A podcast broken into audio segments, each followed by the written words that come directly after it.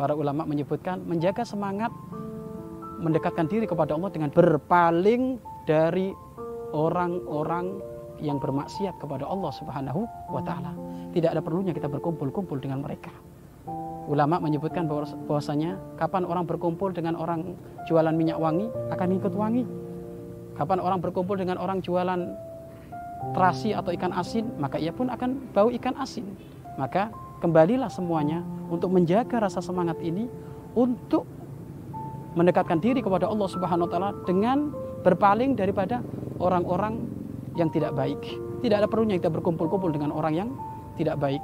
Kapan Anda melihat fulan bin fulan melakukan kemaksiatan tidak perlu kita kumpul di situ. Kenapa? Meredupkan semangat ibadah kepada Allah Subhanahu wa taala. Kapan melihat fulan bin fulan melakukan kemaksiatan tidak perlu kita berjejer dengan mereka. Tidak perlu kita satu satu organisasi dengan mereka. Kenapa? Itu semuanya akan mempengaruhi kedekatan kita kepada Allah Subhanahu wa taala.